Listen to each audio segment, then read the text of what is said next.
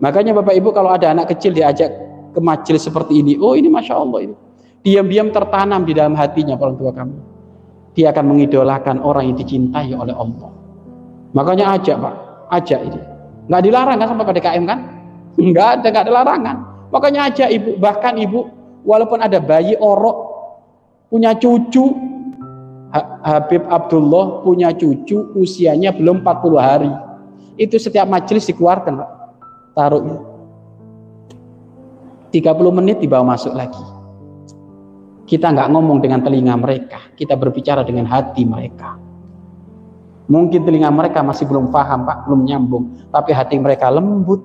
Kenapa? Ada maknawiyat ada rohaniat dikirim oleh Allah di tempat-tempat mulia seperti ini sehingga anaknya menjadi lembut. Makanya ibu bapak kalau ada anak kok susah bandel diatur sering ajak ke majelis insya Allah lembut hatinya sering aja ke majelis. Susah.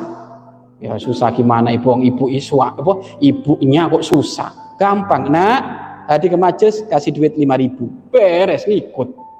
Apalagi anak kecil. Iya kan? Ngikut. Ya kan? Giliran ke pasar malam bapak ibu dikasih duit lima puluh ribu. Ke majelis gak dikasih duit. Wah memang ibunya suka ke pasar malam itu Karena ngeri, pergaulan di luar itu ngeri Bapak Ibu.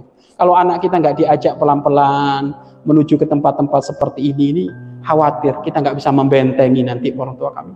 Nggak bisa membenteng, membenteng.